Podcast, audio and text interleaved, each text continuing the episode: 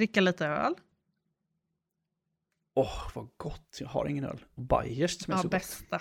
Bästa folkölen. Mm, den är fan fin. Den, alltså. den är, den Jag glömmer god. bort den hela tiden. Ibland köper jag den och så tycker jag den är jättegod. Och sen så glömmer jag bort det till nästa gång. Och så köper jag vanliga eh, istället. Mm. Eh, och så, så blir det bara så. Vad tråkigt. Det är också ganska bra pris på dem. Tycker jag i dessa tider. Ja, Eh, så. folköl är ju... Alltså ska man... Ska man Ska man få det riktigt billigt så borde man ju gå ner till två åttor. Det kostar ju typ mindre än vatten. Det kostar ingenting. Det är helt sjukt Är det så? vad det kostar ingenting med två åttor. Men det vill man ju inte. Det blir väldigt plaskigt. Nej, då är det ju så här, vad har man ens att leva för längre? Om man har gått ner till Nej, två Om man åttor. inte ens kan få, om man inte ens kan få 3,5% alkohol i sin folköl, vad lever man då för liv? Hej! Hej, hallå! och välkomna till Svamppodd nummer 449, tror jag. Jag har ingen aning, för jag eh, heter Niklas och sitter här med kräk på hela min tröja och min hoodie faktiskt. Eh, Siri, har du några kräk på dig just nu? Nej, men jag tänkte så här beskriva mitt allmänna tillstånd som så här leklandstrött idag. Vi har varit Åh. på lekland. Vi har fortfarande, fortfarande aldrig varit på ett lekland faktiskt. Vi har faktiskt ett uh, skitbra lekland som ligger, eh, ja men typ, det är inte jättenära, men så här 30 minuter bort med bil. Uh, i, ute på Tyresö, som är så här, det kostar typ Oj. 160 spänn. Oh. Alltså det är så här skitbra, billigt och inte så stort. Eh, så att det är så här överkomligt, men man blir fortfarande, och så är det sportlov i Stockholm just nu också. Så att det Ja, kän- ni har senare sportlov. Ja, så det känns som att jag har blivit knockad av 500 barn. och Jesus. på en decibelnivå på Jag har ju- 500 typ också. Ja, ja.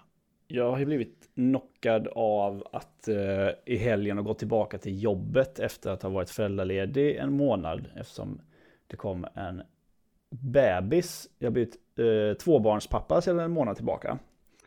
Eh, det är ju eh, intressant. Men, Kanske, kanske inte var världens smartaste idé att gå tillbaka till jobbet på helgen när det stora barnet inte kan gå på förskolan så att min stackars sambo har varit eh, själv med eh, en fyra och ett halvt åring och ett, en, ett spädbarn eh, hela helgen. samtidigt Men, så är eh, det så här, jag har ju två barn. Och någonstans måste man riva av det där plåstret. Det, är liksom, Jag tror det. det kommer va? vara Mm. jobbigt när Vi- man gör det.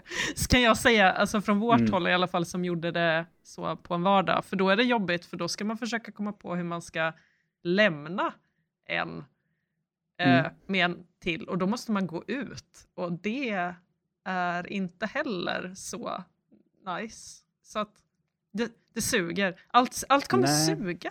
Oavsett hur, vad ni Ja, gör kommer det vara svårt. När man hade, när man hade ett, en bebis, då, då kunde man ju bara välja att bara nej, vi, vi går inte ut nu. Vi sitter här i soffan bara hela dagen. Eh, det kan man ju inte göra när man har ett stort barn också. Nej, om Eh, inte annat så för ens dåliga samvete, man bara du är inne på din fjärde skärmtimme just nu. mhm. Det här börjar kännas lite dåligt kanske. Eh, Så. Ja, men fan jag brukar säga att om, om man hade haft den rutinen och de kunskaperna man har nu när man fick sitt första barn, fan vad soft det hade varit. Ja, eh, när man bara hade en bebis. Man bara hade varit helt kolugn och bara, nej, fan, det här är helt lugnt. Men då hade man ju panik över allt och var i chocktillstånd. Ja nej men de brukar ju prata om tvåbarnschocken, men eh, jag tycker nog att ettbarnschocken, eller den var så här värre på ett sätt. För Mm. den här är mer så här, man är helt död fysiskt och slut så. Men det första barnet, då är det så här, Ja. jag vet inte, som att man är i, i typ djungeln under Vietnamkriget och man ser så här fiender överallt och man är så här dunderparanoid bara Mm. på grund av, jag vet Mhm. inte. Allt är nytt och jobbigt och det finns mygg överallt. Ja, precis. Så mitt, mitt barn kommer dö av eh, en av tusen olika helt orimliga saker som man tänker sig. Det- Medan man liksom med andra barnet bara så hivar upp den över axeln och bara, ja men nu går vi väl ut och skottar snö. Fontanell schmontanell. Ja, äh, det är väl där, det är väl där man... ja, precis. Det är väl det man kan lägga ett glas i. Nej, förlåt. Nu ska vi sluta. Ja, men precis. Ha det som en, som en sån eh, mugghållare liksom. Ja, precis. Nej, men, men eh, det, det, det är kul med barn. Det är det ju. Mm, det är ju det. Eh. Och ja, eh, när barn tjorvar på natten och sådär, så man sover ju inte så mycket när man har nytt barn, men eh, ibland så är de ju att de inte sover men ändå eh, är ganska lugna så att man kan spela lite. Faktiskt. Ja, du har hunnit med en hel del. Ja, jag har ju ganska mycket med mig faktiskt. Även om jag inte har hunnit spela någonting mycket. Man spelar ju så 20 minuters intervaller.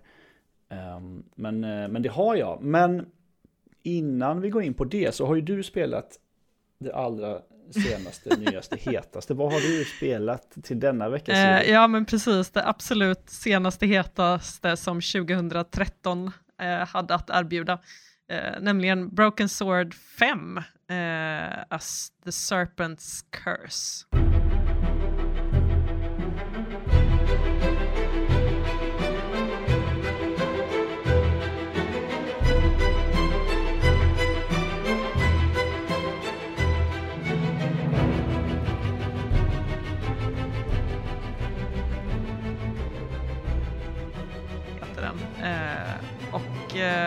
Jo men apropå så här, spel man typ känner att man orkar med i så här, småbarnslivet så är ju verkligen Broken Sword ett sånt typ av spel tycker jag som är så här comfy, eh, lite mm. alltså ganska lätt pe peka-klicka-spel men man får ändå känna sig lite så här, ah, I still got this. Jag har någon slags hjärncell kvar som jag kan lägga på det här pusslet liksom.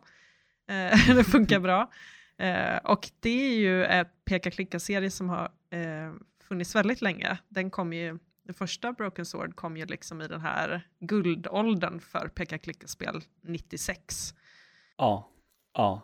Och det var nog, eh, jag, jag kommer ihåg när det kom för att det, det blev en sån jävla wow-upplevelse för att det var så otroligt snyggt. Man bara, det här är som en tecknad film ja. i jämförelse med, eh, för att det var ett CD-ROM-spel liksom. Så det kunde ju vara mycket snyggare och det var så coolt. Ja men det är ju väldigt coolt och det är ju väldigt, alltså de, de ja, två första spelen var ju så i tecknad stil och sen så kom det två till som jag inte har spelat eh, som var lite mer 3D. Eh, mm, de har jag spelat, mm. det behöver man inte. Nej, det är det intrycket jag har fått också. eh, men i femman ja. så har man ju då gått tillbaka till det här eh, lite mer klassiska, traditionella, väldigt typiskt för så här jag vet inte, eh, spelbolag eh, som gör, eh, jag vet inte, peka-klicka-spel, det känns, alltså de är, det är ju en retrovurmande liksom, fanbase man har där. Det är lika bra att mm. hålla sig till ja, det, det, som liksom, man, man kan bäst, inte, inte komma med så här nymodigheter som 3D och grejer. Visst kom det här i två delar va? Eh, ja, ja men det gjorde det nog. I alla fall från början. Det, det kanske inte är det nu. Om man köper det nu så kanske det är liksom en. Ja men precis, det var det jag varit lite osäker på. Ja. För att jag har nog, jag har inte kommit så långt heller ska erkännas. Utan jag är liksom precis i början eh, av det här. Eh, men jag drog upp det för att jag ville ha någonting att prata om i det här poddavsnittet. Eh, så att, men det är ingenting jag märkt av än så länge, så jag gissar eftersom jag har läst precis samma som du, att det ska vara två delar. Eh, och så. Så att jag ja, antar att de har slagit ihop det. Här, men det var ju väldigt länge sedan. Mm. Ja, det var väldigt länge sedan jag spelade det här. Jag vet att jag har spelat igenom det, men jag minns nästan ingenting. Nej. Det var kickstartat ja. Ja, ja men precis. Och det fick ganska bra. Alltså de två första Broken Sword-spelen var ju väldigt, väldigt uppskattade och är lite så här, ja men, ganska välansedda.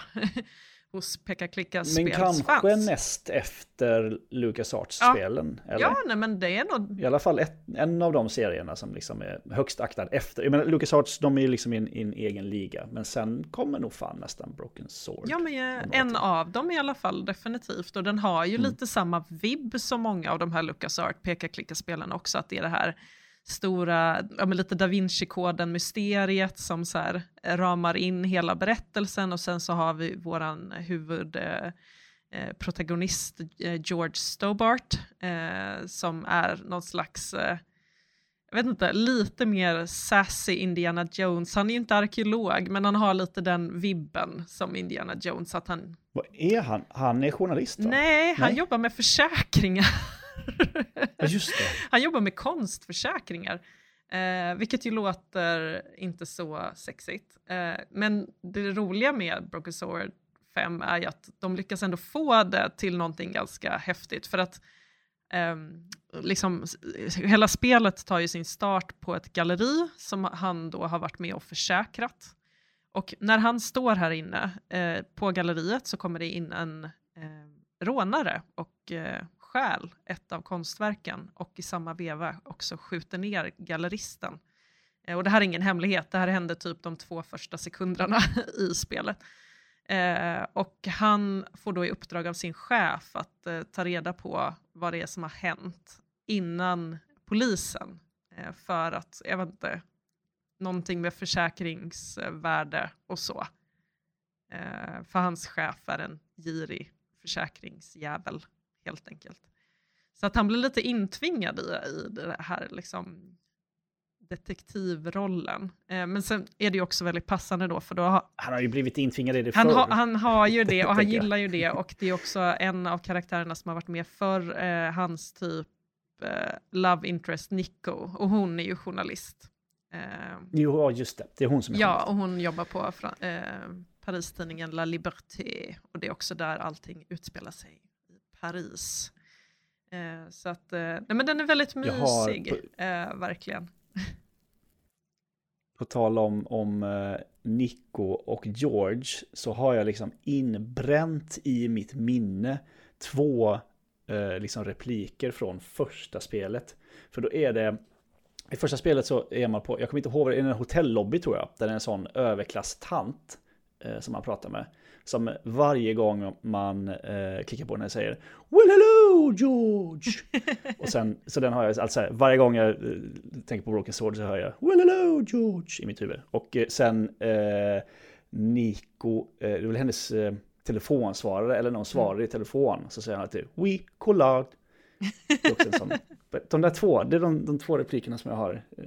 Eh, Så jag kommer aldrig glömma vad de heter, liksom, George och, och Nico collide. Och är det någonting man Ja. vet med peka klicka-spel så är det att man får höra en del lines väldigt många gånger efter varandra också.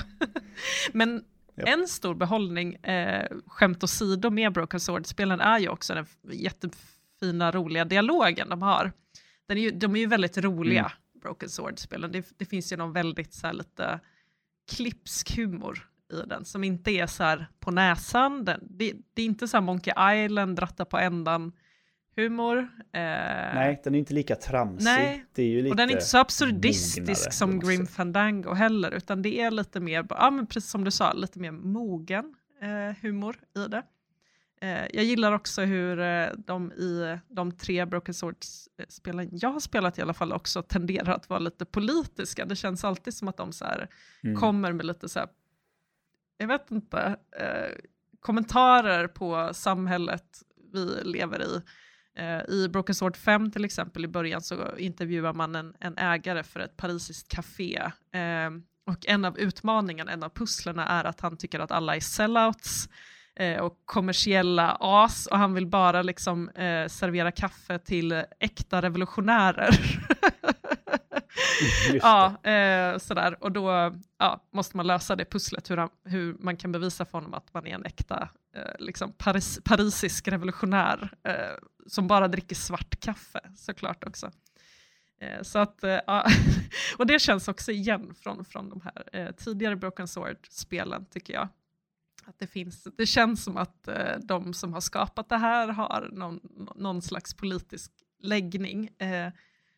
Alternativt bara tycker att det är väldigt kul att väva in eh, ganska ofta i dialogen. Så. Mm.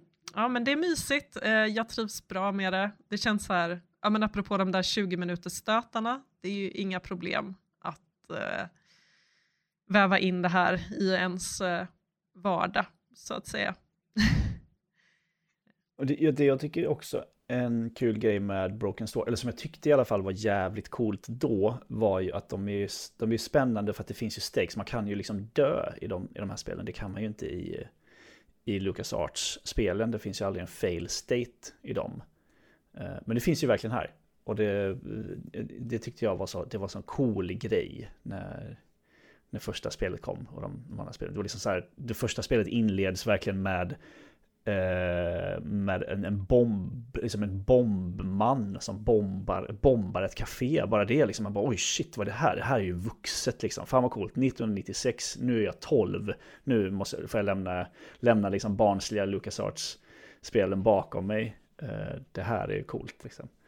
Ja men precis, det är lite så här eh, lite annorlunda eh, och också så väldigt spännande mysterier tycker jag. Alltså, jag har alltid blivit mm. indragen i så vad, vad det här stora mysteriet är.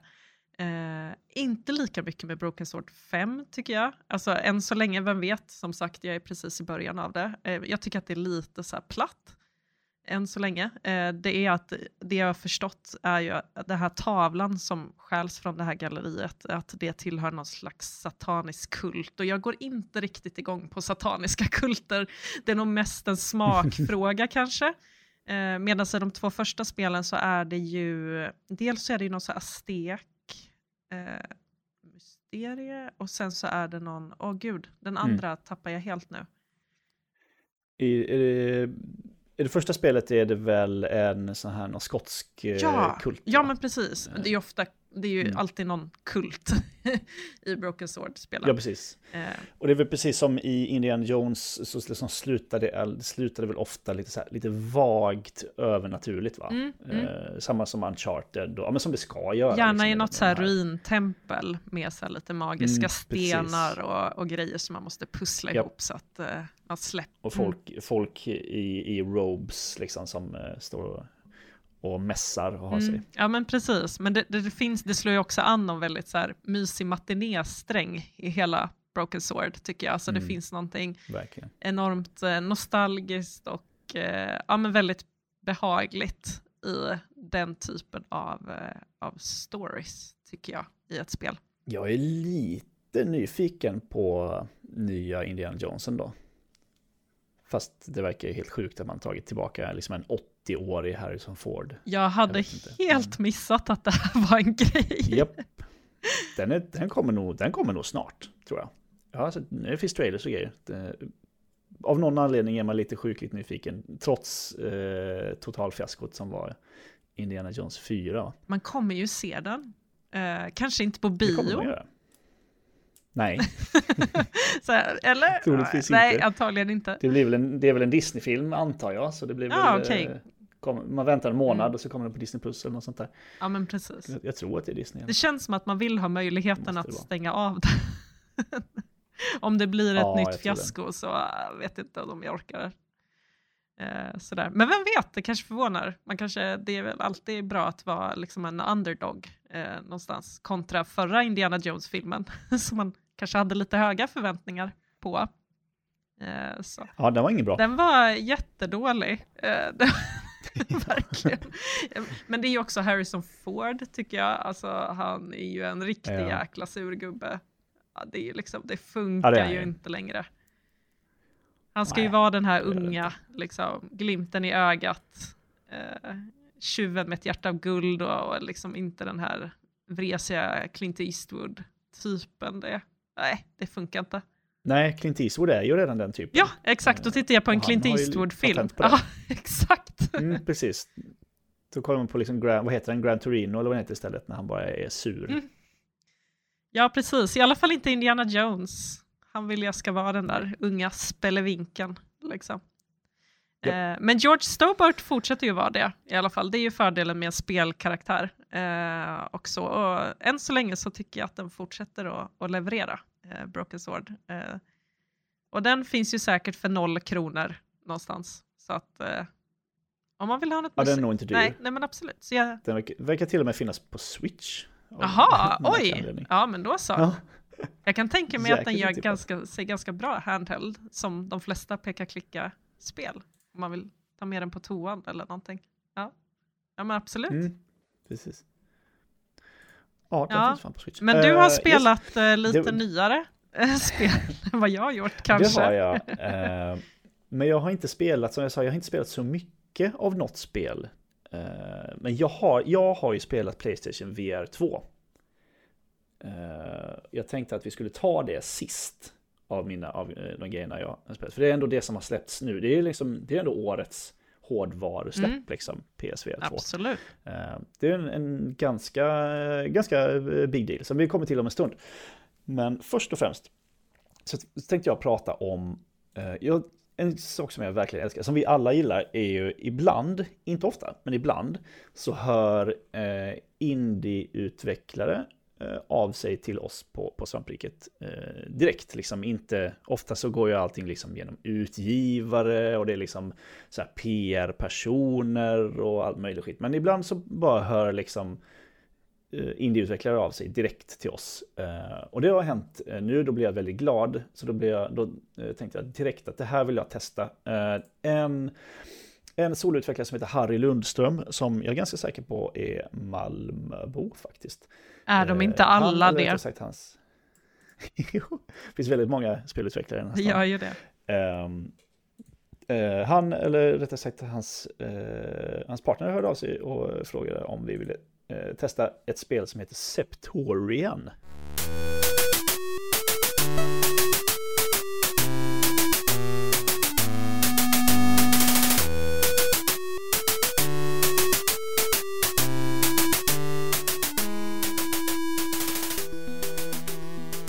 S-E-P-T-O-U-R-I-A-N, Septorian.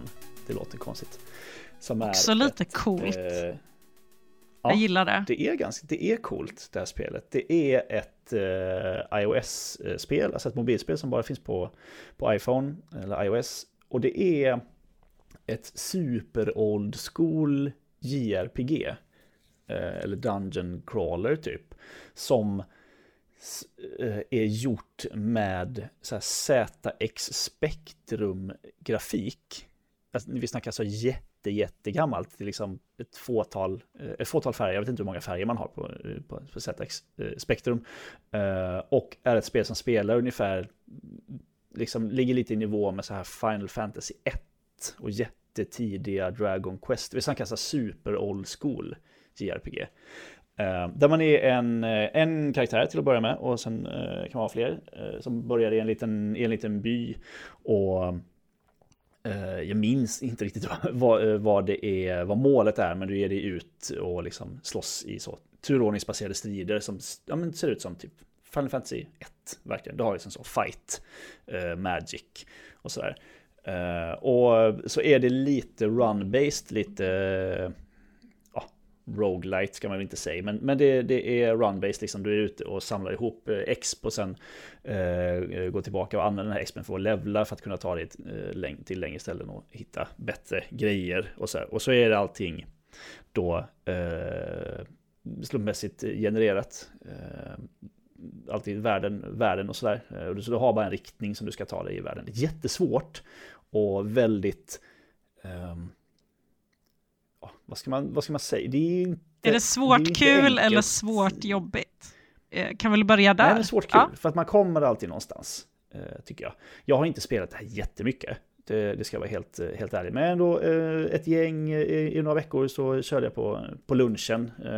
Efter att jag hade käkat upp min lunch liksom, så tror jag en liten stund. Alltså det är ju verkligen fördelen med så mobilspel generellt. De är ju så mm. tillgängliga mm. på ett helt annat sätt. Ja, men precis.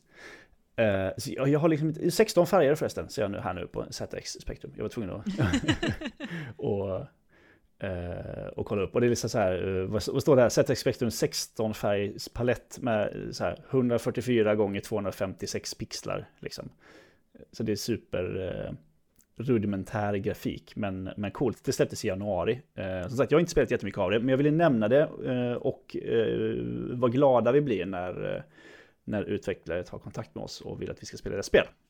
Septorian heter det. Det finns på App Store. Uh, jag minns inte vad det kostar, men det finns där. Det lät som att det kan tilltala Tyvärr. en hel del av våra lyssnare, tänker jag. Mm, men jag, jag tror ändå det. Uh, jättekul. Och det spelade jag innan, eh, innan min bebis kom hastigt och lustigt fick eh, sticka iväg till, till, till BB och livet ändrades för alltid ännu en gång.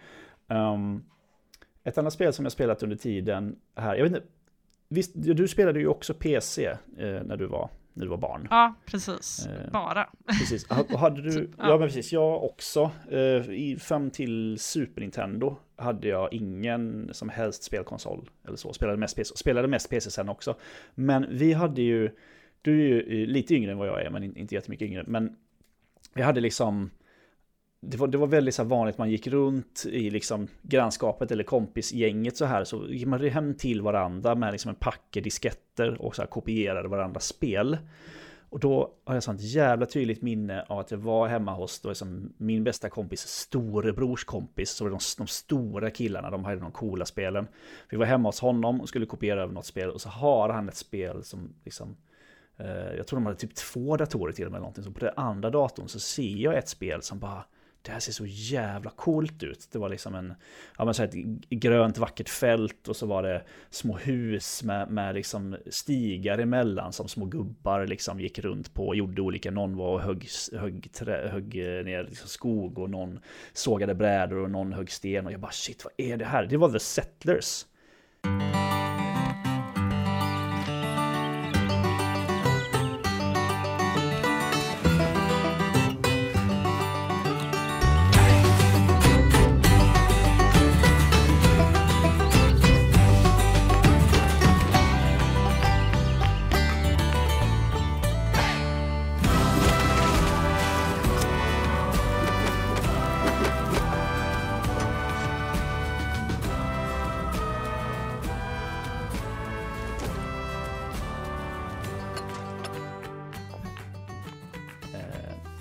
Klassiska strategi, eh, real, realtidsstrategi eh, serien som är från liksom, alltså första spelet då, ska vi se, det är ju från 93. Jag älskar att vi ja, fortsätter 90-talsvurmen här. Eh, ja. Det är liksom så vi jobbar nu, tydligen. Precis. Och jag såg, jag såg det här spelet och bara, jag måste ha det. Jag har spelat Settlers så jävla mycket. Settlers 2, Settlers 3 var det första spelet jag beta-testade. Då var det på riktigt att man beta-testade grejer. Jag fick liksom, fick, fick det hemskickat i en låda från Tyskland då. Bluebyte, tyska eh, ut, utvecklare. Numera eh, är det Ubisoft som släpper, som släpper de här. Och att man fick, kommer jag ihåg att jag fick liksom fick en t-shirt liksom. Att man sa The Settlers 3 beta-testare. Liksom. Säg att du har kvar den. Säg att du har kvar den. Nej, jag, jag, nej, den är borta tyvärr. Uh, jag tror inte den ens, kanske att den ligger i någon låda hemma hos mina föräldrar. Det hade varit jävligt coolt. En sån riktigt uttvättad t-shirt som jag inte får på mig längre såklart. Um, så det är en serie som låg mig väldigt varmt om hjärtat. Ja men fram till typ det. Sen så bajsade den ner sig lite och det blev inte så bra. Eh, det finns ganska många eh, Settlers-spel nu. Nu ska vi se här hur många. Det finns Settlers 1, 2, 3, 4. Heritage of Kings, Rise of the Empire, Paths to Kingdom. Uh, det är alltså Settlers 7 var de uppe i. Settlers 8 ställdes in. Nu har man släppt en reboot på den här serien. Ja, för den fick väl ganska Allies. dålig, alltså de, de fem, femman, sexan, sjuan ja, det, var väl liksom ja, inga... Ja, de blev inget, det var inget Så bra. de behövde Nej, väl verkligen den här liksom rebooten och... liksom. Eh, för att... Ja. Uppenbart har ja, de ju någonting det, ändå som det... folk gillar. Eh, som gör att man fortsätter att spela eh, Settlers efter så här många år. Liksom. Ja, jag vet inte. Eller? Eh, det, här har jag också, det här har jag också bara spelat lite grann. Och när jag, det var Ludde som frågade, bara, är det någon som är sugen på en kod för det här spelet? Jag känner inte till det. Jag bara, va? Det är ju för fan Settlers, det är en reboot på Settlers, fan vad fett, varför känner inte jag till det? och det visar sig att ingen annan känner till det här heller. Det finns i princip inga recensioner av det här spelet. Uh, The Settlers New Allies. Det släpptes den 17 februari. Uh, tror jag. Och ska komma på konsol nu i mars. Uh, det finns typ inga recensioner på det här. Knappt några video, liksom ingen, ingenting. Det var ingen, ingen fanfar från Ubisofts håll, inget så. Åh, vi skickar ut massa liksom massa, eh, massa reklam och grejer bara. Nu, nu tar vi tillbaka vår älskade liksom, serie Settlers och sådär. Och det är inte så kul. Nej, okej. Okay. okay. De gjorde det typ Tyvärr. av en anledning, eller? Ja. Ja, det känns lite som att det här har det utannonserats redan 2018 tydligen. Och skulle ha släppts 2019 och sen 2020. Och sen så eh, ställdes det in och alla pre-orders refundades. Sen kom det tillbaka med en beta 2022. Och nu kom det då. Eh, det skulle ha kommit också i mars 2022. Men eh, feedbacken som de fick under betan gjorde att de sköt upp det tills vidare. Och sen, nu kom det plötsligt. Mm. Uh, och, och förvånade det, inte. Det är inte. Eller? Nej.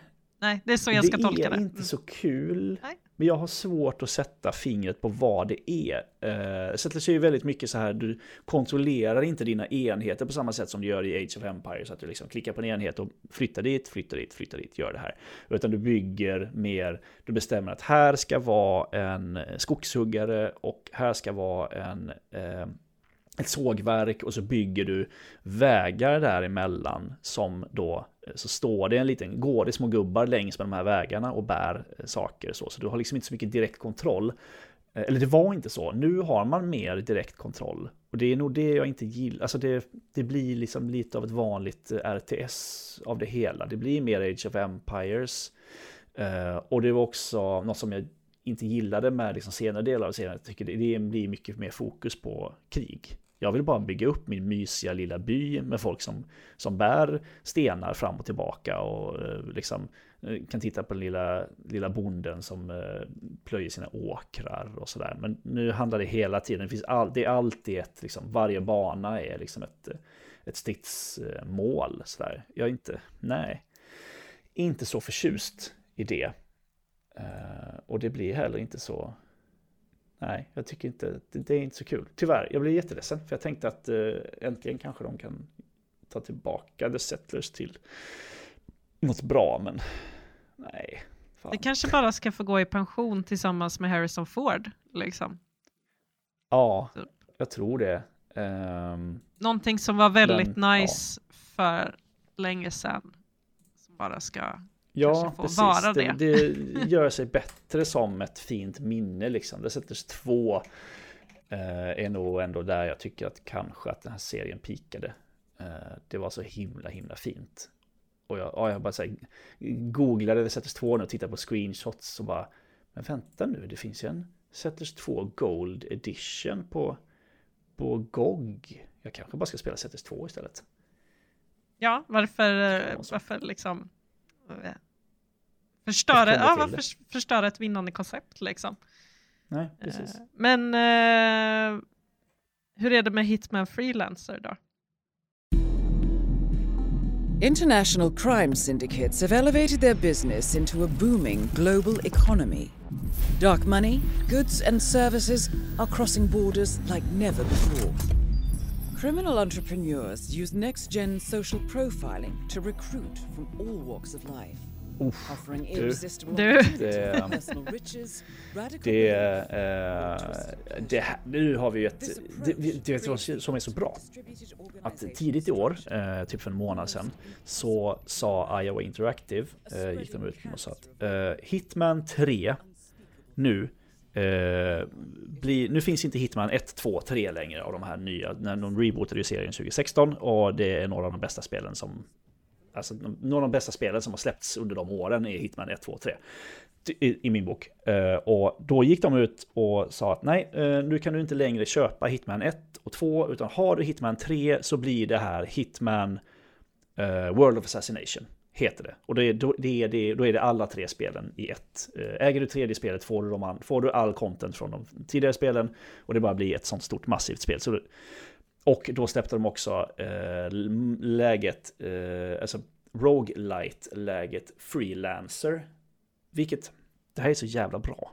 För att Hitman eh, World of Assassination är ju inte Hitman 3. Vilket betyder att det har ett släppdatum i år. Vilket betyder att Hitman återigen borde kunna kvala in på Gotilistan. Du får ge det ett gott försök i alla fall. Är det några andra på riket som spelar Hitman? Till att börja med. Eh, jo, men vi är, några, ja. vi är några som gillar Hitman. Mm. Eh, det är det Men eh, det är nog kanske jag som har trillat med näst, mest ner i det här hålet. Hitman Freelancer Mode, eller Freelancer heter det bara, är ett helt nytt eh, liksom sätt att spela Hitman på. Du börjar i, i eh, Agent 47s, eh, han har en sån riktig swanky mansion eh, ute, på, ute i, i bergen någonstans. Och du börjar i hans källare och, och du är helt enkelt, eh, du är freelancer nu. Du har liksom ni, du och Diana Burnwood som är din sån handler som eh, har världens härligaste brittiska, eh, brittiska accent och skickar ut dig på uppdrag. Ni är liksom, nu är ni frilans eh, hitmans, hit, hit, hitman och eh, ska ta det här syndikatet då. då. Och då är det helt enkelt så att eh, du väljer eh, ett ett paket uppdrag och så är det liksom två uppdrag och sen en showdown och sen så är det några, tre uppdrag och en showdown och sen fyra uppdrag och en showdown. Och det som händer då är att du eh, får ett uppdrag och eh, du får välja på kartan så här, okej, okay, du ska åka till, du ska åka till någon av alla de här banorna. Jag vet inte hur många det är nu, om det är liksom... Ja, det är, det är många banor i alla fall. Eh, och då kan jag säga, okej, okay, du ska till Sapienza, Italienbanan från den ikoniska Italienbanan från första spelet. Eh, och du har två eh, mål du ska ha ihjäl och du har de här kriterierna som gör att du får bonusgrejer. Typ om du, du dödar någon genom en strypning, då får du se och så mycket extra pengar. Om du, eh, om du liksom förgiftar en vakt eh, så får du se och så mycket pengar. Liksom. Och då eh, laddar du in på banan och då kan du börja i princip var som helst på banan. Du kan liksom vara mitt inne i fiendernas, eller liksom i den mest eh, eh vaktade basen liksom. Och bara shit, jag får börja här, det här har jag aldrig sett förut. Och dina mål är då liksom slumpvis utvalda NPCer i, på den här banan.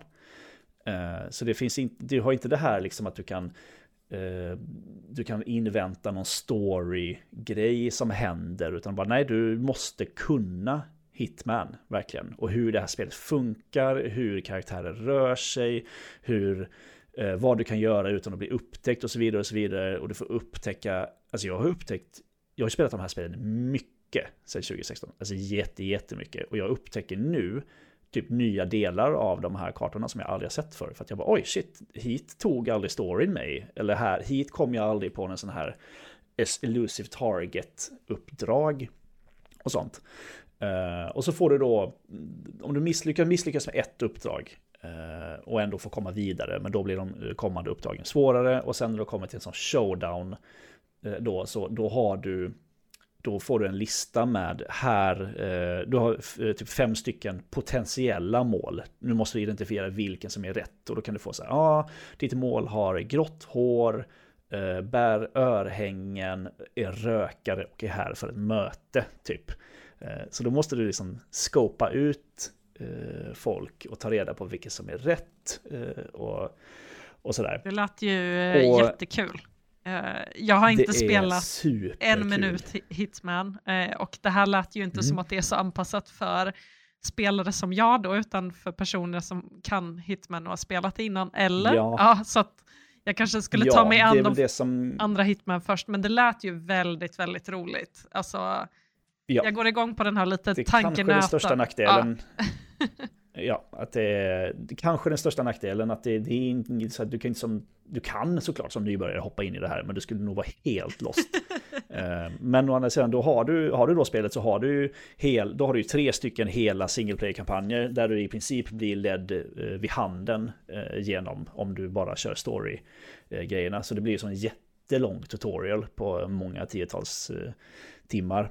Um, och, och, så hela tiden, och så när du har klarat ett uppdrag då, så levlar du upp liksom din freelancer rank och då låser du upp nya saker i ditt hus. Bara, ah, nu låst upp eh, badrummet här. Har ah, du låst upp garderoben så du kan komma åt lite olika, lite olika, eh, dina olika outfits och så här. Och så någon bana, eller någon level så bara, ah, men nu har du bara låst upp så att du kan möblera om i vardagsrummet.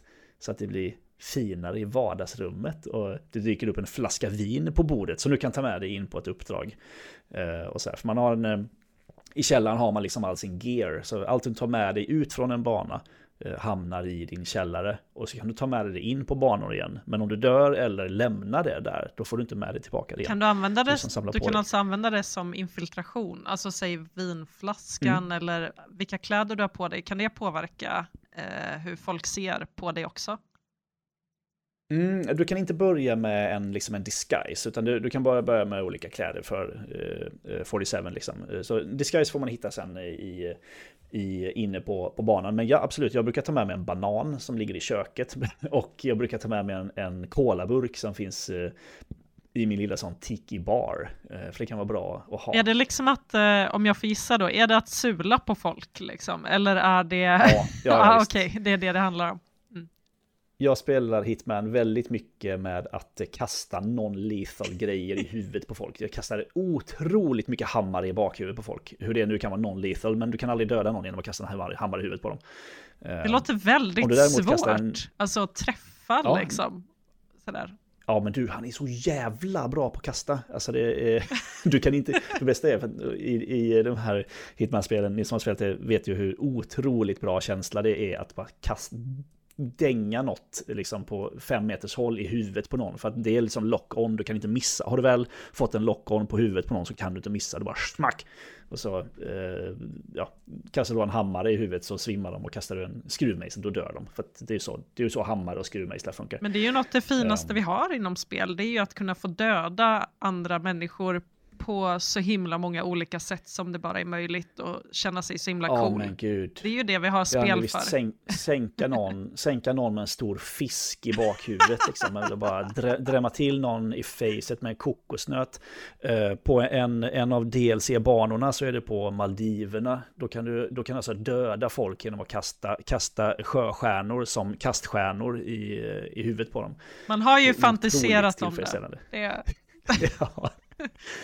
Uh, nej men Hitman Freelancer Mode, det är fan, uh, det är så jäkla kul att spela, uh, spela Hitman igen. Och jag har liksom haft, fan jag har, jag har spelat Trollkarlsspelet och jag har haft, jag har haft Like a Dragon Ishin, jag har haft, jag har haft Playstation VR 2 hemma liksom i en vecka. Men ändå så försöker jag smyga in en bana en bana freelancer här och där. Och det är också så, du kan, det kan vara jättelätt. Det kan vara så att du du startar på ett ställe och så visar det sig att ditt mål står liksom 15 meter till vänster om dig, helt ovaktad. Och du bara kan gå i princip dit och bryta nacken av dem och gå ut från banan. Eller så kan det vara på andra sidan kartan i den mest bevakade, svår, mest svårintagliga bankvalvsdelen på banan. Liksom.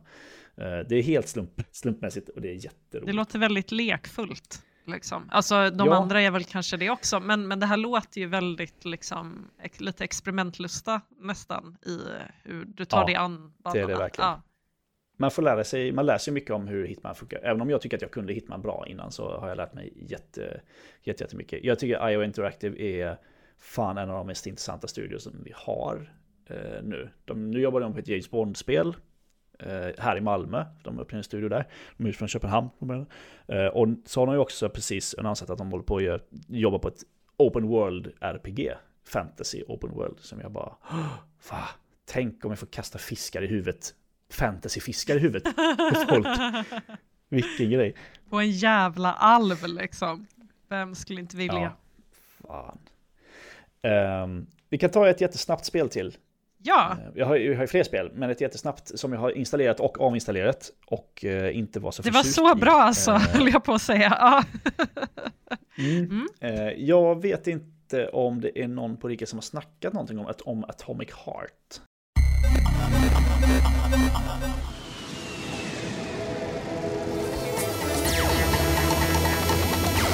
Man was born to dream, to do great things. Flying machines, space travel, even robots. Har vi det? Det ringer ingen klocka på dem jag har fixat i alla fall. Nej. Eh, jag tror faktiskt inte att vi har det. Jag har ju inte haft särskilt bra koll på, på podden kan jag säga när jag har varit, jag har varit eh, föräldraledig.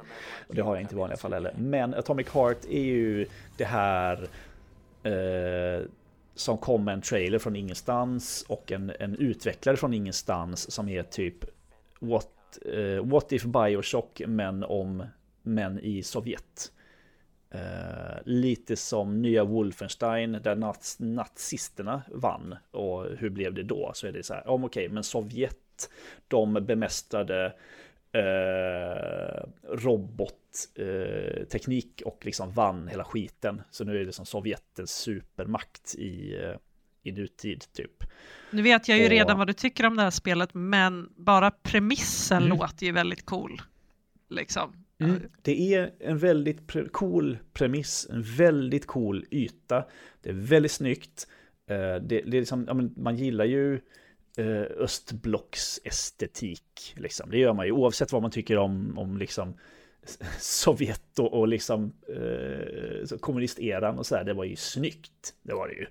Eh, På, må, på, många, på många sätt vis. Den estetiken är ju jävligt, eh, jävligt Men cool. det gör ju sig Men också jag- väldigt väl i någon så här Bioshock, alltså domedag, Ja, Stormundrang liksom. Ja ja. men precis, du är en utopi såklart. Du får gå igenom, eh, liksom, ungefär som du gör i, i Bioshock Infinite, liksom, så får du se den här utopiska världen, så går du igenom och sen så kommer det ju pang, det skiter sig, robotarna är onda. Uh, ja, du, kan ju lista ut själv liksom. Det, ingen, som, ingen blir förvånad, hmm, vad händer här?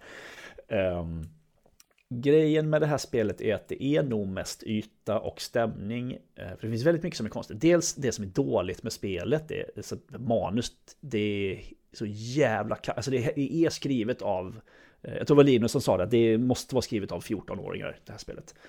Det är så jävla edgelord. Eh, och det här då, Mundfish då, den här studion är ju, det här hade jag inte koll på, de är baserade på Cypern, men det är en rysk studio egentligen. Eh, Så det känns så jävla mycket rysk, rysk källar edgelord stämning över det. Karaktären du spelar, P3 tror jag han heter, han är så jävla osympatisk. Eh, Han, eh, jag vet inte varför, men han är så otroligt otrevlig. Det är som så här, fuck you till alla liksom. Och han har en, han har en, en, liksom en handske eh, med liksom en, så här robot, en robothandske liksom. Så man kan göra olika saker med. Ja, men det är den som gör att han kan använda olika sätt, typ Bioshock-förmågor. Och han kan så här, man lotar bara genom att så här, sträcka fram handen och så suger man in, suger man in, eh, öppnar alla skåp och sånt där med någon slags dammsugare typ. Och den här robot, robothandsken pratar ju med honom. Eh, och han är så jävla otrevlig mot den här robothandsken liksom. Det ska vara en sån här robotkompanjon och han bara... Så fort, eh, liksom, så fort någon säger någonting så så yeah whatever, fuck you man. Och så man bara varför, varför, jaha okej. Så, Det låter extremt eh, ryskt, måste jag också säga. Alltså, ja, och det, ja men precis. Jag har ju varit i, i Ryssland eh, en del innan det blev eh, stängd total diktatur eh, och träffat en del eh, journaliststudenter där, så det var liksom ett utbytesprogram. Eh, och det här känns igen så jävla mycket från liksom, alltså hur ryssar Mm. skämtar. För man, man brukar ju ofta Mm. skämta, eller skämta lite om, jag är ju halvfinne, om att finnar har ganska hård humor. Liksom att man tycker om att skämta om döden och att man liksom säger, kallar varandra för dumma i huvudet. Liksom och sådär. Eh, och det är som att ryssarna har tagit det fast liksom skruvat upp det hundra gånger till, upplever jag det som. Att, Ja. Och det är, liksom, Verkligen. det är deras humor. Så. ja, Mm, jag vet inte. Det, det finns liksom såklart sexiga, det finns sexiga robotar. Ja, såklart. Eh, Julia Tymosjenko-frisyrer, vilket är, är lite intressant. Vi kommer, vi kommer till mer eh, om, om det sen. Mm. Och det, det, där du uppgraderar dina grejer är typ, ser ut som en, en rött kylskåp som är en, en, också en robot som är superkåt. Som bara vill ligga med dig. Och det, liksom fort, första gången du träffar den så skickar den ut massa tentakler och börjar så här dra och slita i dig och liksom så stönar och porrar sig och är helt så här, ett, ja men, men så, bara det låter som en 14-åring. Ja, jag vet inte. Ja, precis. En 14-år- en 14-årigs liksom porriga fantasier eh, plus super edge lordigt och bara "Åh, jag är så jävla cool. Och, ja, så det är superkackigt skrivet. Och Eh, det är liksom en anledning till att jag bara, nej men skit i det här. Jag spelar två timmar och bara, nej men skit i det här. Det är supersnyggt, jätteatmos, liksom bra. Eh, eller jätte, så här, stämningen är liksom cool. Eh, men sen så kommer vi till, till hela Rysslands grejen. För att det här spelet är också Eh, det finns så himla många kontroverser kring det här där ingen, ingen utav dem är en jättegrej men många saker som är så otydliga att det inte känns bra i magen att spela. Ehm, dels så är det här då när utgivaren som, eh, som ger ut det här heter väl är det CIS eh, ja men det, eller VK Play, ja vilken det nu är. VK Play är ju, VK är väl deras eh, Facebook eh, equivalent i, i Ryssland tror jag. Och VK Play är ja, någon del av det. De har liksom någon slags koppling till ryska staten. Eh, finansier, finansiärer, så pengar kommer liksom kanske inte direkt från ryska staten men via så här Putin-trogna. Eh, det, finns, eh, det finns liksom ja, vissa påstår då att det är väldigt, mycket, väldigt stort fokus på grisar i det här spelet och grisar och svin är någonting som ryssar väldigt ofta kallar eh, ukrainare för, liksom som en nedsättande term. Det finns, det finns här eh, det, det, finns liksom, eh, vad heter det, burkar med, med eh, så här fläskkött i, eller skinka i. Som har en ukrainska, alltså gul, som är gul och blå. Fast det är också tydligen färgen som det största märket för inlagd skinka har i Östeuropa. Men det, det är så mycket sånt här och, och så vill inte och så säg, vill de inte säga varken bu eller bä utvecklarna utan det är liksom de vi är emot våld mot människor typ säger de. Och så, men det är liksom det är så många saker som gör att det känns fel. Vet du vad det här påminner mig om? Då... Alltså lite grann. Eh, själva diskussionen Nej. alltså. Eh, det påminner lite om Hogwarts Legacy, tycker jag. Ja, det är lite så här... precis. Vi har verkligen på två mm. månader fått två spel det här året som... Eh, mm. är väldigt, väldigt politiskt alltså komplexa. Sen är det väl tur då kanske att eh, Atomic Heart suger till skillnad från vad Hogwarts Legacy gör, för det är ju alltid en parameter som gör det lite svårare att förhålla sig till. är, är det så att spelet ja. är kast så är det ganska lätt också att bara säga äh, fuck it. liksom. Jag skulle inte säga att det är kast, nej. men de här grejerna plus manuset ja. är tillräckligt för att jag bara, nej, jag behöver inte, jag har sett det här. Det, det jag har tillräckligt lite speltid i mitt liv. Liksom. Vad sa du? Förlåt. Ja, men precis. Uh, Mick Gordon som gör musiken till det här, som också gjorde musiken till eh, senaste Doom-spelen. Eh, han har liksom donerat sina pengar som han har fått från det här till Röda Korset i Ukraina. det säger någonting ukrainska eh, staten, det är någon minister som har gått ut och, och vädjat för att det här spelet säljs inte i, i, Ukraina för att det är på Steam tror jag. Och har vädjat till andra länder att eh, sälj inte det här spelet liksom. Eh, för att det har kopplingar till liksom. Och så är det allting, allting är luddigt. Eh, men det finns på Game Pass, så det, jag vet inte hur Microsoft känner just nu, att, som har betalat för det här. Um, så det, ja men det, Nej, det, jag, kan inte, jag kan inte rekommendera eh, Atomic Heart liksom, med, med en bra känsla. Och det, jag, du har ju liksom, kan, du har ju ändå jobbat lite i kultursfären och sådär. Är det här, för det här, den här problematiken har ju funnits inom övrig kultur jättelänge. Det finns så många problematiska författare liksom. Så här, eh, Holbeck och, och vad heter han, eh, den här eh, eh, folkmordsförnekande eh, Nobelprisvinnaren Hanke va? Ja, Hanke. Eh, precis, så mycket i litteraturen där liksom, ja men det är verk och, och, och skapare sådär. Vi inom spel har vi ju inte haft det här riktigt förrän nu med Hogwarts Legacy kanske. Eh, det har inte nej. varit så stort så, men vi är inte vana vid det. Medan folk som håller på med litteratur och film och teater och sånt, de är liksom vana vid det här med väldigt problematiska eh, skapare. Med liksom. litteratur tycker jag alltid att det är lättare med litteratur och konst kontra film och mm. i, nu då spel. För att där skapas ju det alltid i, i, i en grupp. Medans, eh, precis, precis. Alltså med, medans litteratur och, och konst, det, det, är ju liksom ofta en enskild person. Då tycker jag att det ofta blir väldigt mycket lättare att koppla mm. verk. Där är det ju verkligen verk och person. Eh, medans film, då är det ju så här, ja, en regissör, men hur mycket liksom, inflytande hade den här regissören över skapande processen och hur mycket hade, hur mycket liksom av de här pengarna går verkligen till ryska staten? Alltså just det mm. behöver inte mm. betyda att det är rätt, men det gör det väldigt mycket mer liksom grås, det blir mycket, mycket fler gråzoner upplever jag i alla fall. Sen så är det ju oavsett. Som i, liksom, man får ju men precis, och som, i, som i Hogwarts Legacy där liksom där den problematiska personen inte ens har jobbat med spelet.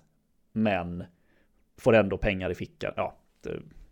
ja hon äger väl eh, liksom, vad ska man säga, copyrighten på Harry Potter. Ja, men precis. Hon får ju pengar i fickan oavsett. Liksom. Så det, ja, det är så jäkla krångligt. Eh, det där. Men eh, nej, eh, skit i Atomic Heart. Spela eh, Like a Dragon Ishin istället, skulle jag säga.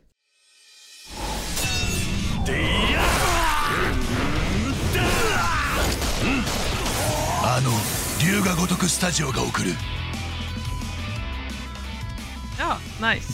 Det var någonting annat om man säger så. Ja. Like a Dragon Edition har, har ute både en recension och eh, en quick tit med mig och Pajlen på eh, sajten och eh, Youtube. Eh, det kan man se eh, det kan man se och läsa om där. Det är ju en eh, remake på en spin-off till Yakuza-serien som aldrig kom till väst. Du är helt med Du här, gillar ju Yakuza. Det var det enda jag, ju hoppade på. Ja, Ja. jag älskar ju Yakuza-spelen. De är super, eh, super melodramatiska och superseriösa i sin main story och jättetramsiga och löjliga i allt sitt side-content. Och jag älskar hur jävla japanskt det är. Um, Like Dragon Ishin är ju, det är så märkligt för att Like a Dragon Ishin utspelar sig, det är en helt en sidostory liksom. Den har ingenting med Yakuza att göra egentligen. Uh, serien heter Like a Dragon nu för tiden.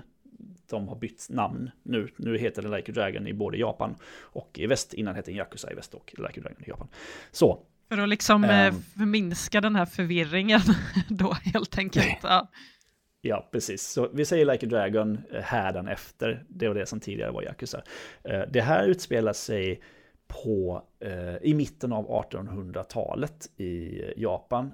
Vilket är en, eh, jag tror det kallas för Edo-perioden, om jag inte har helt fel. Sena eh, Edo-perioden. Eh, och då, det var kaosigt som fan i Japan på den här tiden. Det kom liksom in folk från, alltså omvärlden kom in i Japan plötsligt efter att de har liksom varit helt slutna från eh, omvärlden i liksom hundratals år tror jag. Eh, och det är stökigt som fan och eh, och du spelar då en kille som heter Ryoma som ser ut exakt som Kiryu i Yakuza-spelen. För att det liksom det man har gjort här är att man har tagit alla ansikten som är kända från Yakuza-spelen. Kiryu och Majima och alla sådana här goa gubbar som man, som man gillar och bara satt dem i det här spelet på andra karaktärer. Hej, det funkade för American Horror Story, tänker jag. Spontant. Ja, just det. Ja, det är väl lite så. Så det är liksom samma ansikten, samma röstskådisar, fast de spelar helt andra personer. Så det är bara så man bara, åh, det är Majima, fast ja, nej, det är inte Majima, det är bara en annan snubbe med, eh, med lapp för ögat eh, och så.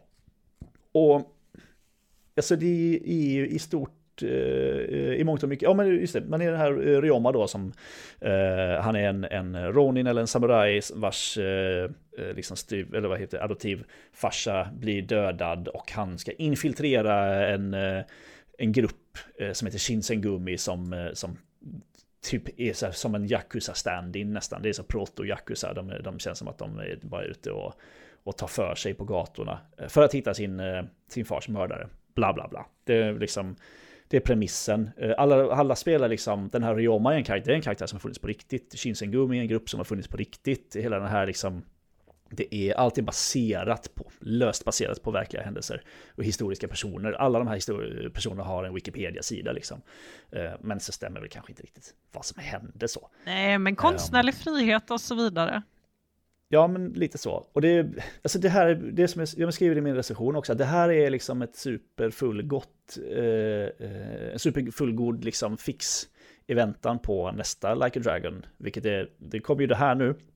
Eh, sjuan kom för två år sedan tror jag. Det kommer det här nu, sen så kommer eh, la- eh, Like a Dragon, eh, Gaiden, The Man Who Sold His Name, tror jag. Som handlar om Kiryu mellan Yakuza 6 och Yakuza 7.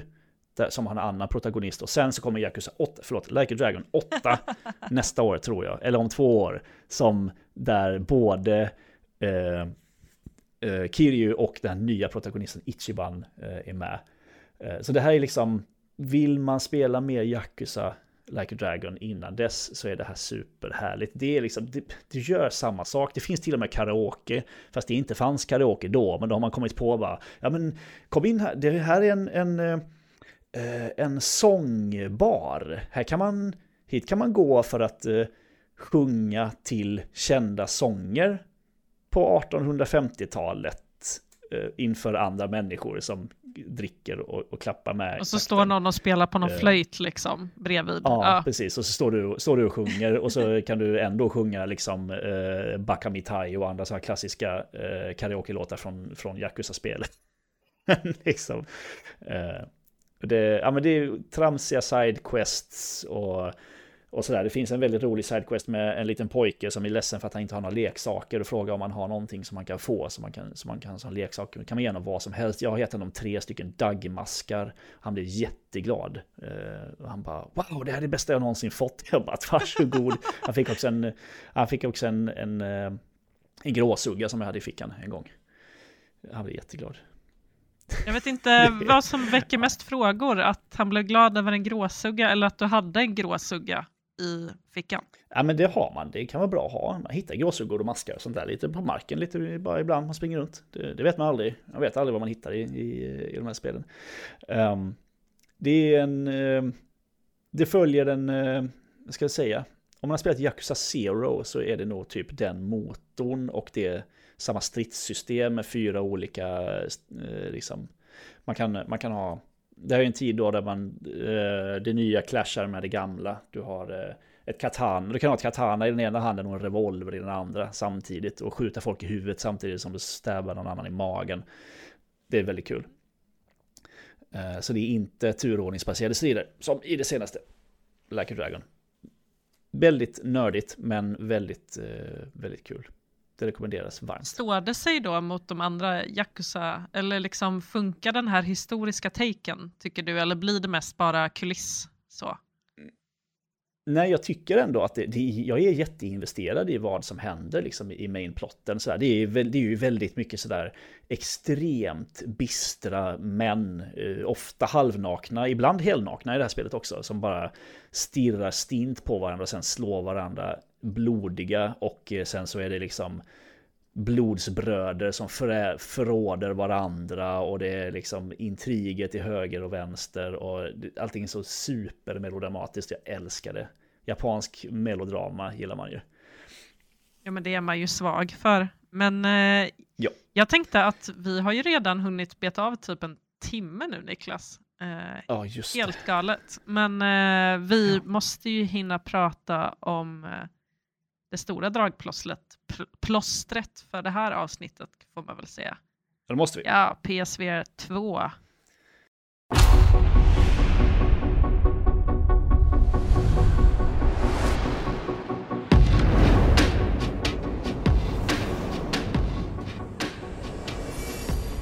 Precis. Den, eh, den har jag haft hemma i en vecka. Eh, skicka, när, när, vi hör, när ni hör den här podden så skicka tillbaka den igen. Eh, för att, jag, menar, jag fick låna ett, ett, ett PSVR 2 helt enkelt. Och det är ju alltså... Har du gått runt inte, med har den? Har du spelat? Ja, förlåt. Fråga på. Mm, har du spelat mycket VR, Siri? Ja, alltså jag var ju en av dem som älskade Beat Saber på förra ja, eh, PSVR. Eh, så att jag har inte spelat liksom, jag har haft, jag har ett VR hemma Eh, mm. Jag har inte spelat så mycket annat på det, utan jag liksom, för mig är VR när jag drar igång Beat Saber, typ. Ja. ja. Det är liksom din Beat Saber-hjälm. Ja, väldigt dyr eh, hjälm så för mm -hmm. ett mhm. spel. Eh, men det liksom mm -hmm. har mhm. blivit enormt underutnyttjat. Jag gissar att det var för att den kom, eh, att jag eh, införskaffade i samband med någon, någon bebis eller något sånt. Så att ja. det blev så här, man tänkte och sen bara blev det inte så mycket? Nej. Jag har också en PSVR 1 hemma. Jag har kopplat, sen vi flyttade till vårt hus eh, för tre och ett halvt år sedan så har jag kopplat in det en gång. Det är också skitkrångligt. Det är jättemånga sladdar, det är den här liksom extra boxen, det är, du har en kamera, det är otroligt dåliga move-kontrollerna som aldrig har något batteri i sig. Det är helt värdelöst liksom. Även om själva PSVR-headsetet är eh, så bekvämt och bra. Det här är ju då, PSVR 2 är ju en förbättring på allt. Liksom. Allt, verkligen. Uh, du har, ja, men det är ju högre upplösning, du har så inside-out tracking, vilket ju innebär att det är kameror på headsetet så du behöver ingen kamera. Uh, den skannar av rummet Eh, själv när du startar upp den första gången så säger den bara till dig så här, titta runt i ditt rum och så ser man så bara ritar den upp väggarna och bara skapar ett så här, en, en yta. Bara, ser det här bra ut? Är det här din play area liksom? Är det här ett område du kan röra dig runt i? Och man bara, ja, det stämmer faktiskt nästan precis. Och så kan man så måla i och måla ur lite. Eh, så bestämmer den så. Jättesmidigt. En sladd som går in i PS5 istället för fyra sladdar typ som går in i någon jävla box som i sin tur går in i PS4. Som, ja. Eh, och då de här kontrollerna som ju är... Uh, Move-kontrollerna var ju en jävla efter... Alltså det var ju så här grejer som redan fanns. Det var ju gammal teknik redan när första PSVR kom ju. Det ju piss dåliga. nu har det, det var de verkligen. Sitter, ja, men verkligen otroligt dåliga. Eh, nu har du ju en sån här kontroll som alla VR-kontroller är nu för tiden som är som, som, en, liksom, som en liten ring runt handen liksom. Och du har alla knapparna på, eh, när du, på del, fördelade på vänster och höger hand. Du, den kan känna av, den kan känna av eh, eh, tumme, pekfinger och långfinger tror jag. Att du, att du så här, om du spelar någonting så sticker ut, sticker ut pekfingret så sticker din karaktär ut pekfingret och sen ska den lägga tillbaka. Det är sensorer i, i styrspaken och i de knapparna som man har fingrarna på. Uh, och så har du uh, så här, och så har du, precis som PS5-kontrollen så är det så här force feedback liksom och, och, och sånt där fancy schmancy. Uh, och det, och det här, allt det här kostar ju 7400 spänn. Det är väl lite där det är, alltså alla har ju väldigt olika förutsättningar för ekonomin här i livet, ja. men det är ganska mycket pengar. Det är ju ett par hundra mer än vad Playstation 5 kostar. Liksom. Ja, för det... kanske färre spel. Liksom. Ja, ja, det är ju det som är problemet. Det finns ju egentligen ett stort exklusivt spel och det är ju Horizon Call of the Mountain som jag har spelat eh, några timmar.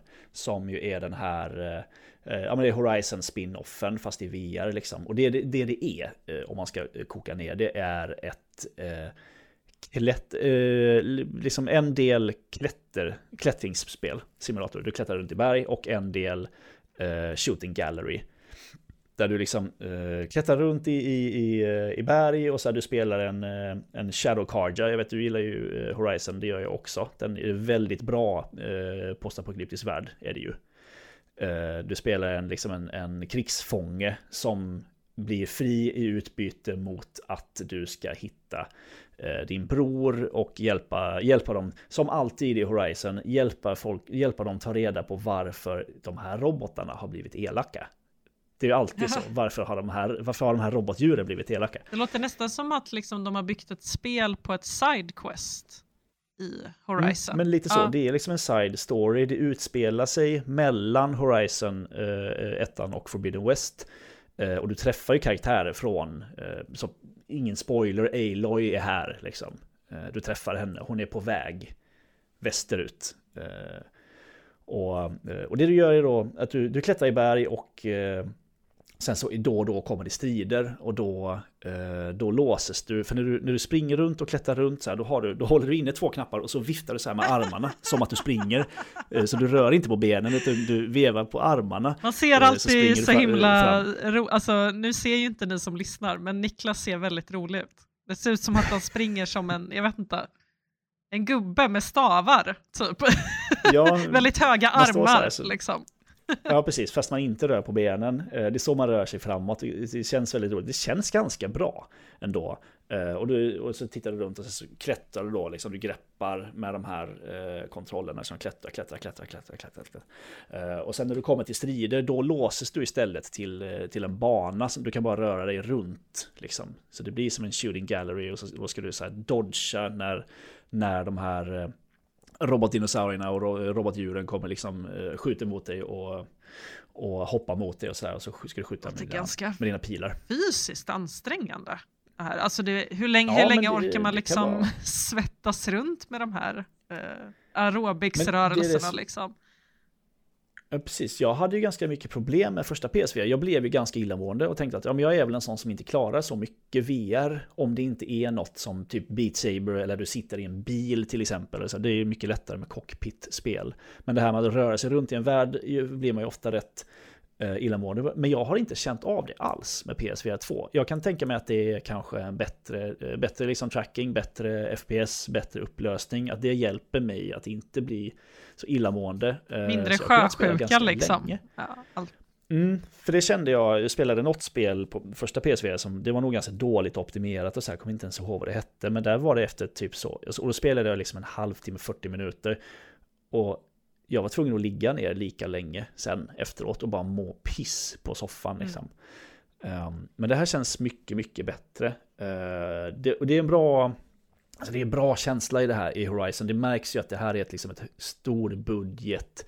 Det är ett stor budget eh, VR-spel, så, så stora som VR-spel blir. Det är väl kanske Half-Life Alex som är, som är större, skulle jag tro. Men, och då är det ändå att de största PS, eller de första v, största VR-spelen är fortfarande ett klätter slash shooting gallery. Vi, vi, vi sa ju det här liksom när första PSVR kom att ja, men vi väntar på de här riktiga stora spelen liksom eh, som också, kan, som också finns i VR. Men vi är fortfarande här. Ja, vi har inte kommit till holodecken liksom.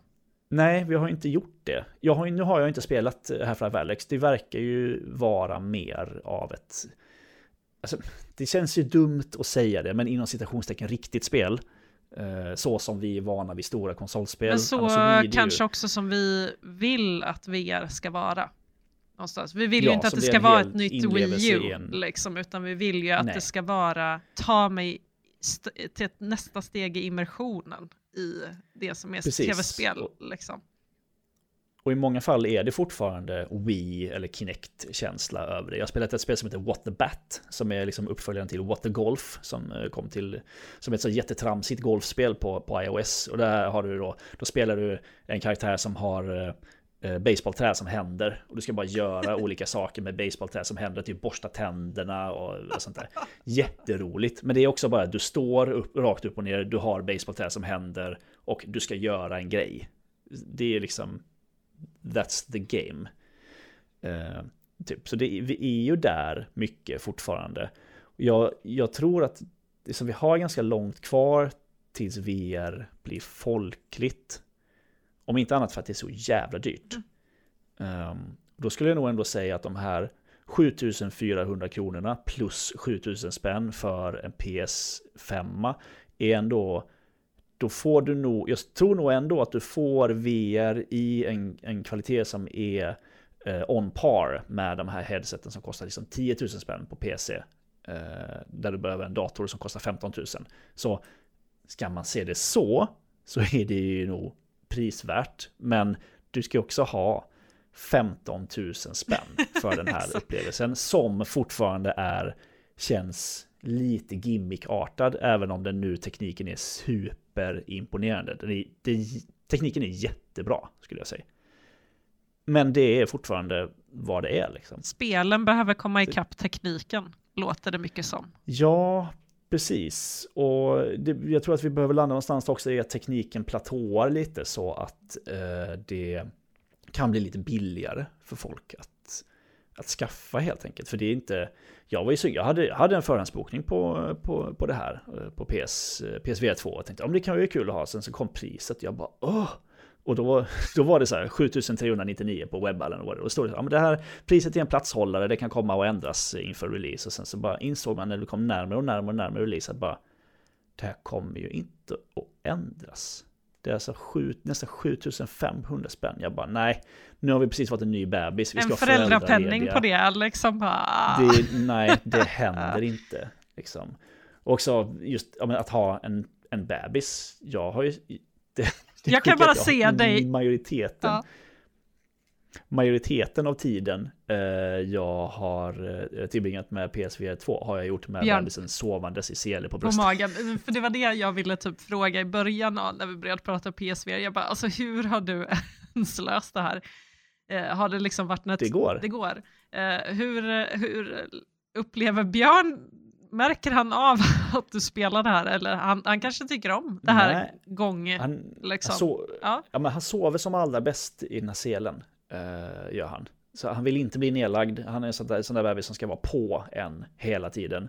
Eh, vilket ju eh, inte är så kul för, för min kära sambo då, som måste ha honom på sig hela tiden. Jag kan på, ha honom på mig ibland och det är jättemysigt. Men ja, i alla fall. ehm, grejen är att på PSV2 så finns, eftersom den har det här som kallas inside out tracking, så är det ju kameror på headsetet som ser ut istället för att det är en kamera som ser headsetet och skapar upplevelsen därigenom. Vilket också betyder att du har en knapp på undersidan av det du har på ansiktet. När du trycker på den så pausas spelet och så ser du genom kamerorna på, på headsetet.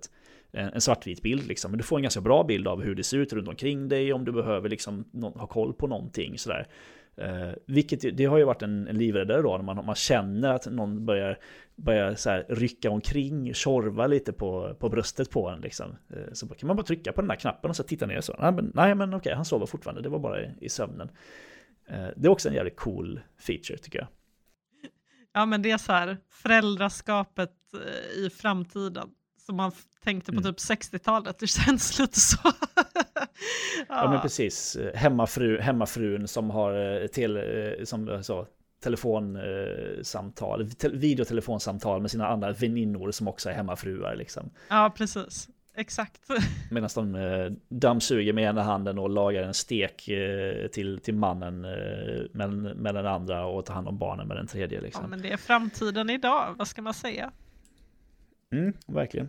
Nej, men så, ja, som sagt, PSV2. jätteimponerande, jättedyrt och ja, för vad? Jag vet inte. Det är inte, det är inte så att eh, också att de har bara så här, okej, det närmsta året kommer de här och det här och det här svinfeta spelen liksom. Utan det är väldigt mycket, det, de mest, det mesta som finns nu till PSVR 2 är saker som redan finns Eh, till eh, andra, till liksom Oculus, eh, eller Meta, ja, Meta Quest och, och Vive och vad fan de nu heter, liksom alla PC-headset. Eller så är det uppgraderade versioner av PSVR-titlar, Tetris, Tetris Effect och Res Infinite och sådär. Eller VR-lägen i befintliga spel. Grand Gran Turismo 7, svincoolt. Bilspel funkar ju jättebra i VR.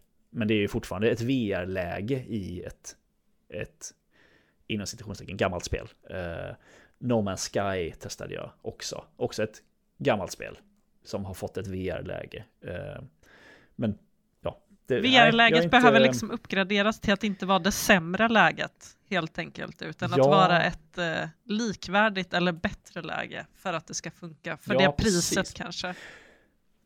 Ja, det behövs fler eh, grejer. För, eh, med de här PC-headseten som är dyrare eh, i de flesta fall så har du ju också hela Alltså hela homebrew liksom och indie-scenen på PSVR då, har, då är det bara det som finns i Playstation Store.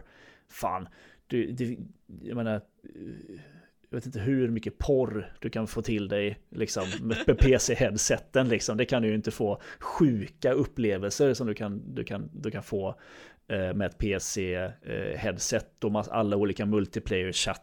eh, Vad heter fan är min porr och- liksom? Ja men precis. Och VR-chatt och alla så här sjukt konstiga experimentella grejer. Som jag, ty- som jag tycker är det coolaste med VR, liksom. När bara så random folk sitter och gör random shit. Eh, det får du ju inte på PSVR, för att den funkar ju inte på en PC. Ännu. Ingen porr. Det kanske kommer i framtiden. Ingen porr. Ingen När, porr. det, när Nej, jag har fan inte kommer hittat porren? någon porr i Playstation Store. Kanske kommer. Ja, precis. Nej, men så, alltså, nej, det, det är vad det är liksom. Det är vad det är, Jag det låter som man ska inget- vänta lite. Typ. Jag skulle säga det. Jag känner inget sug efter att köpa det här. Hade den kostat 4 000 spänn, då hade jag nog absolut gjort det. Det känner jag ja, men det, det hade jag kunnat skrapa ihop. Liksom. 7 400 spänn för eh, ett eh, headset med mestadels inom citationstecken gamla upplevelser och typ ett eller två liksom riktigt eh, exklusiva feta upplevelser. För Horizon Call of the Mountain är jättecoolt. Jag är jätteledsen att jag inte hinner spela klart det eh, innan jag måste lämna tillbaka headsetet. Men det är inte tillräckligt, tycker jag. Ja, men då så, det blev eh, som vi brukar Ja. säga ett avsnitt den här veckan också. Även fast det var ja, på det ju håret, mest Niklas. spel den här veckan också.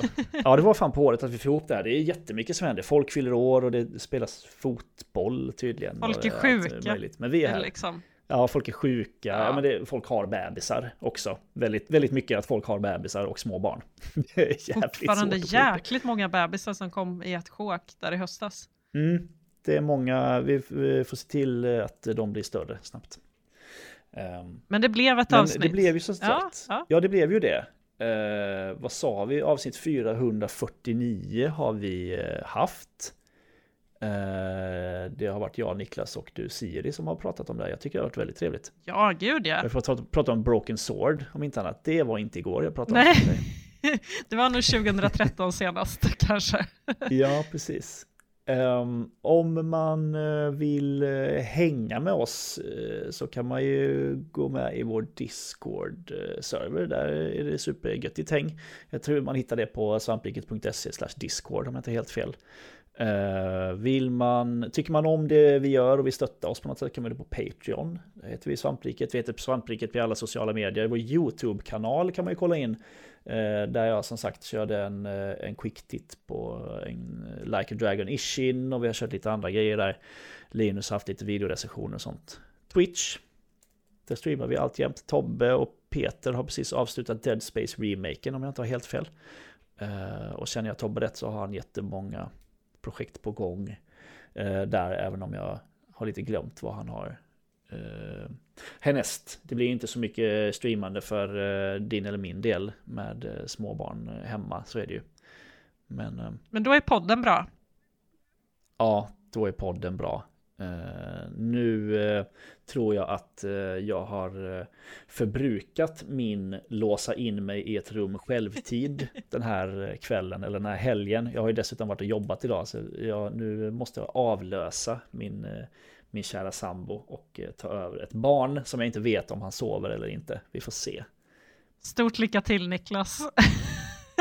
Tack så mycket för att du eh, ville vara med mig idag. Siri. Ja men detsamma, så himla gosigt har det varit. Eh, och nu ska du få Ja, gå och och ta hand om din sambo och eh, tack så mycket för alla er som har lyssnat.